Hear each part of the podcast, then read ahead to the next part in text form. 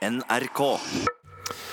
I mange år så har vi i Kulturnytt snakket om behovet, eller kanskje ikke behovet eventuelt, for kjønnskvotering i kulturlivet. Det er kanskje ikke så rart, eh, Ugo Fermariello, at spørsmålet dukker opp igjen i disse sextrakasseringstider? For det ble jo da automatisk tema da Norsk Filminstitutt eh, arrangerte seminar i går med uh, tittelen 'Kjønnsbalansen i norsk film'. Uh, de valgte den engelske tittelen, faktisk. 'Let's talk about sex', og da regner med at det er sex som i kjønn også. Spørsmålet som uh, ble stilt, er skyldes de mange trakasseringssakene vi har hørt om i film- og TV-bransjen, at det er så mange menn i nøkkelroller? Og vil det være riktigere å kvotere sterkere for å få en bedre kjønnsbalanse. Det var i hvert fall ønsket fra flere i salen, og herme etter svenskene. Og de ble inspirert av Anna Serner, som er direktør for det svenske filminstituttet. Så vi har vært veldig tydelige med at vi ville nå målet 50-50 eh, til utgangen av 2015, sa vi. Eh, og sen var jeg veldig tydelig med at jeg ikke er redd for kvotering. Og gjennom å börja så tydligt si at vi har et mål, vi tänker nå dit men om bransjen ikke hjelper oss, da må vi kvotere. I Norge ønsker flere en jevnere kjønnsbalanse i bransjen. I dag er målet å ha minst 40% kvinner i nøkkelposisjoner. Altså bak kamera, i manus, regi eller i produsentrollene. Direktør i Norsk Filminstitutt, Sindre Gulvåg, sier kvinneandelen ikke er god nok. Det varierer veldig i forhold til uh, de forskjellige nøkkelposisjoner og i forhold til de forskjellige uh, filmsjangerne. Uh, og fra år til år er det også store variasjoner. Men vi kan vel si at i snittet så ligger det vel nå på i litt i overkant av 30% og det er for lavt. Deler av grunnen er at man ikke får inn nok søknader som både er gode nok og som har nok kvinner. Frykten er at en streng kvotering skal gå utover kvaliteten i norsk film. Ja, Det har jo uh, sammenheng med uh, søknadsmengden vi får inn. Uh, og, og, hvilke prosjekter som da holder den kvaliteten som vi mener at det også er nødvendig at de skal ha. Men det er jo ingen tilfredsstillende situasjon. Det handler jo om å skaffe seg nok søknader fra kvinner. Og der har man da ikke arbeidet godt nok for å få tilstrekkelig med gode søknader med kvinnelige regissører. Jeg syns det er veldig bra og nyttig å jobbe med en blanding av kvinner og menn. En som har god erfaring med flere kvinner i produksjon, er Thomas Gjertsen. Jeg husker jo Da vi lagde Torsdagsklubben og Mandagsklubben i sin tid, så de monologene til Otto Jespersen f.eks., de skrev jo Otto sammen med to kvinner. Og det er også helt overbevist om at det eh, ga en økt kvalitet. Han er nettopp ferdig med innspillinga av siste episode i TV-serien Helt perfekt. Både kvinner og menn fra produksjonen er samla til fest. På regisiden så tror jeg vi har sånn eh, ca. 50-50 med kvinner og menn. Eh, og på manussiden så har vi faktisk litt overvekt av kvinnelige manusforfattere. Han sier TV-serien er blitt løfta av at flere kvinner jobber med den. Jeg og vi opplevde vel at det var viktig å få inn noen kvinner for å få litt andre perspektiv og, og rett og slett kvalitet. Serner sier at den svenske kvoteringsordninga tvang den svenske bransjen til å bli bedre. Og det gjorde at vi fikk inn mye mer ansøkninger med kvinner. Så det, bransjen har hjulpet oss. Så vi har virkelig gjort det her sammen med bransjen, opplever jeg nå. Eh, Muligens motvillig fra visse, men ikke desto mindre så har det kommet fram fantastiske filmer. Sa Anna Serner fra det svenske filminstituttet. Direktør altså, og reporter var Kristine Sterud. Ja, Agnes Moxnes, kulturkommentator her i NRK. Hvorfor hører vi om kjønnsbalansen i norsk film atter en gang? Ja, det kan du si, Hugo. Altså, det har jo stort sett siden eh, filmmeldingen i 2007 blitt gitt en veldig klar melding fra norske politikere om at minst 40% av, av nøkkelposisjonene i film skal besettes av kvinner. Men i dag, altså hvor mange ti år senere, så er det altså da fortsatt ikke mer enn 30% og så hører vi Anna Serner her, da, direktøren på det svenske filminstituttet, som viser til et eh, Sverige der halvparten av alle filmene som hadde premiere i år, var regissert av kvinner. Eh, men svenskene tenker ikke 40 og, og, og 60% De tenker 50-50, akkurat sånn som Thomas Giertsen eh, gjorde her. Eh, og, at, og, i motsatt da til et land som Norge, hvor vi nå er i en situasjon hvor altså 70% av filmen lages av, av menn. Men Serner sa jo at vi har fått god hjelp av bransjen og viste til Sverige. Må det kvotering til likevel, eller kan, kan det overlates til bransjen? Ja, altså, det, Hun er jo et veldig godt eksempel på det. da, fordi I Sverige så er det rent formelt så er det ikke kvotering. Eh, Anna Serner hun sier at hun truer med kvotering. Eh, og, hun vil, og hun sier da også som sagt at hun vil ikke ha 40% kvinner, men hun, som hun mener er bullshit. Hun vil ha 50% kvinner inn her. Eh, da hun ble ansatt eh, som direktør på Filminstituttet i Sverige i 2011, så var hun allerede en kjent feminist.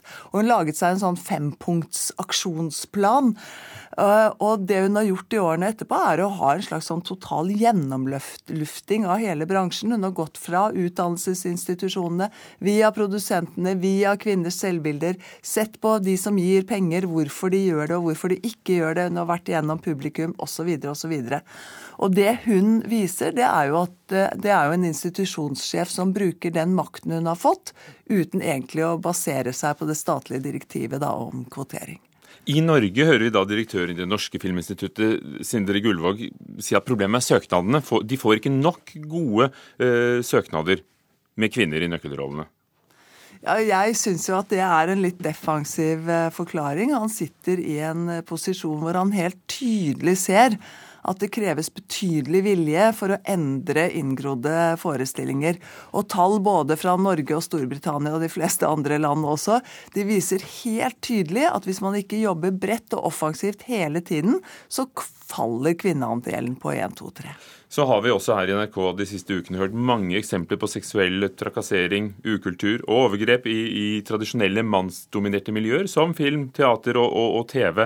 Du som tilbrakte dagen sammen med filmbransjen i går, vil høyere kvinneandel utgjøre en forskjell? Tror folk det? Det tror folk eh, definitivt. Eh, og, og Anna Serner, eh, den svenske filmdirektøren, hun er jo på en måte blitt et forbilde i, i så henseende. Og hun er Hun står for at store statlige institusjoner må styres med stor innsikt, vilje og kunnskap, og at kjønnsbalansen er nødt til å være i vater. Takk. Agnes Moxnes, kulturkommentator.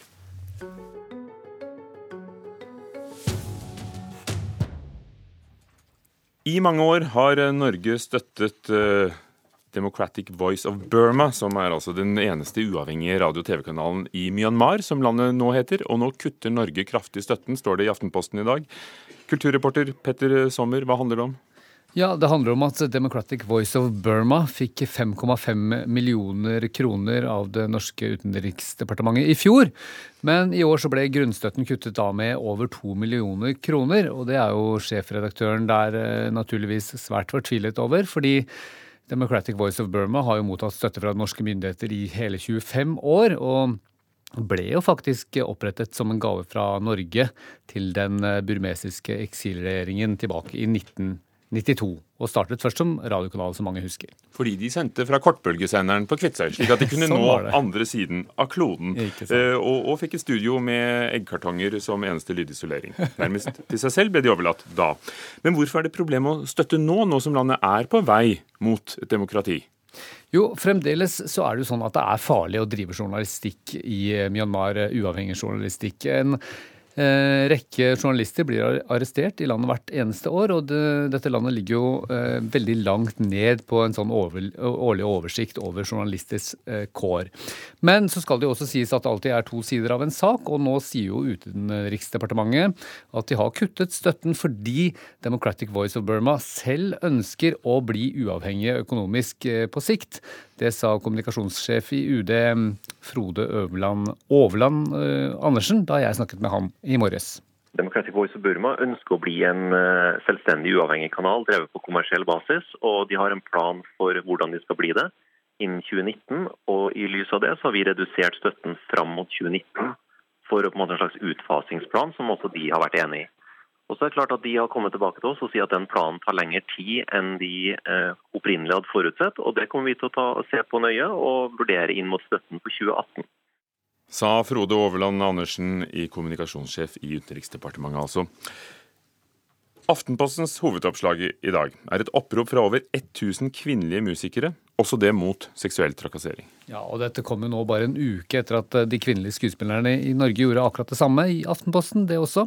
Og nå er det altså musikernes tur. Og mange av de største kvinnelige artistene vi har her i landet, har skrevet under på dette oppropet, og selvfølgelig en rekke andre. Og det er jo svært grove historier om seksuell trakassering i musikkbransjen de forteller om.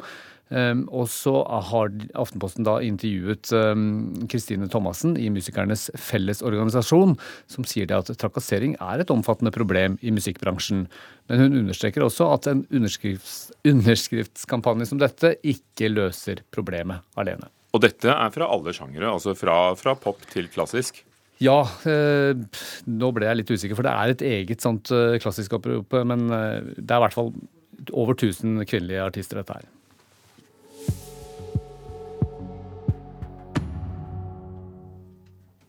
I 2010 ble to nordmenn dømt til døden i Kongo, Joshua French og Kjostov Moland. De var i Kongo da deres sjåfør Abedi Kasongo ble drept i mai året før. Gjennom hele den tiden sto Kari Hilde Hodne French, Joshuas mor, på for å hjelpe sin sønn, og flyttet også til Kinshasa. Og nå har hun skrevet bok om sine opplevelser. 'Dødsdømt i Kongo' heter den. Og Knut Hoem, vår litteraturkritiker, du har lest den. Hva forteller hun? I denne boken så ser hun tilbake på de årene som har gått siden den kvelden i mai i 2009, da hun får en telefon om at sønnen sitter i et fengsel i Kongo.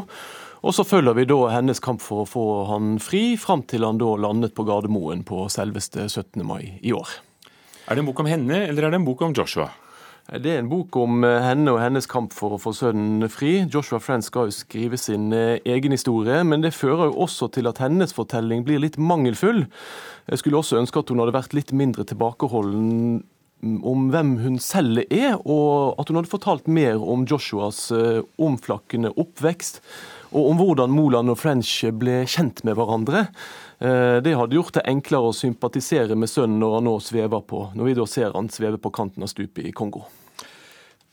Kommer det frem av teksten, som du leser den, hvorfor hun skriver? Det er jo, Når hun har vært objekt i norske mediers fortellinger i åtte år, så er det vel både legitimt og forståelig at eh, Kari Hilde Hodne French nå forteller sin egen historie. Men her er det såpass mange løse tråder i fortellingen som eh, hun vel kanskje ikke kan eller ikke helt vil eh, nøste i. Og det gjør nok at jeg savner flere versjoner her, det være seg fra sønnen eller fra UD, som jo ble utsatt for masse ramsalt kritikk boken gjennom, eller fra familien til Kjostov Moland. Så, så dette her blir på en måte uh, side av historien, men iblant så blir jeg sittende og tenke at det fins flere. Og som du, du, nevnte, hun har jo da selv vært i mediene i søkelys, og også pressen får, får sitt pass påskrevet. Ja, i høyeste grad. Her er hun litt mer generell, men det er også konkrete eksempler. F.eks. da VGs journalister har tilgang til sykehuset der Kjostol Moland ligger, og ikke den legen som familien har sendt ned. Det er en del sånne konkrete eksempler som det sikkert vil komme svar på. Eh, men eh, det som er helt sikkert, er jo på en måte at, eh, at denne boken måtte komme med tanke på hvordan denne historien har vært. Og som kjent, Kjostov Moland ble i 2013 funnet død på cellen som han delte med French. Året etter ble French funnet skyldig i overlagt drap på vennen, til tross for at obduksjonsrapporten hadde konkludert med at, at Moland tok sitt eget liv. Mm, til hele dette sakskomplekset, kommer hun med nye opplysninger? Nei, altså, eh, eh, Moren støtter jo sønnen og Sjåstov Molands forklaring om at sjåføren Kasongo ble drept i et eh, bakholdsangrep. Og utover den kjensgjerningen så er det jo ingenting som er sikkert i denne saken. Vi vet ikke hvem som skjøt, og Kari French er også meget ordknapp i spørsmålet om hva disse to vennene gjorde i Kongo i utgangspunktet. Hvordan skriver hun? Det er klart at uh, dette er en bok skrevet av en, uh, en, kvinne som jo har vært igjennom uh, voldsomme prøvelser. Det er jo en fryktelig tragisk fortelling, som også er veldig kronglete. Hun, hun sammenligner det med en sånn russisk babusjka-dukke, der den ene dukken går inn i den andre. og Sånn er det jo lite grann. Men jeg føler vel at bitene av denne dukken fortsatt ligger litt sånn strødd utover boken, også etter at jeg har lest den ferdig. Hmm. Knut Hoem, takk for at du kom og snakket om Kari Hilde Hodne French sin bok 'Dødsdømt i Kongo'. Og så kan alle anmeldelsene leses på nrk.no bok.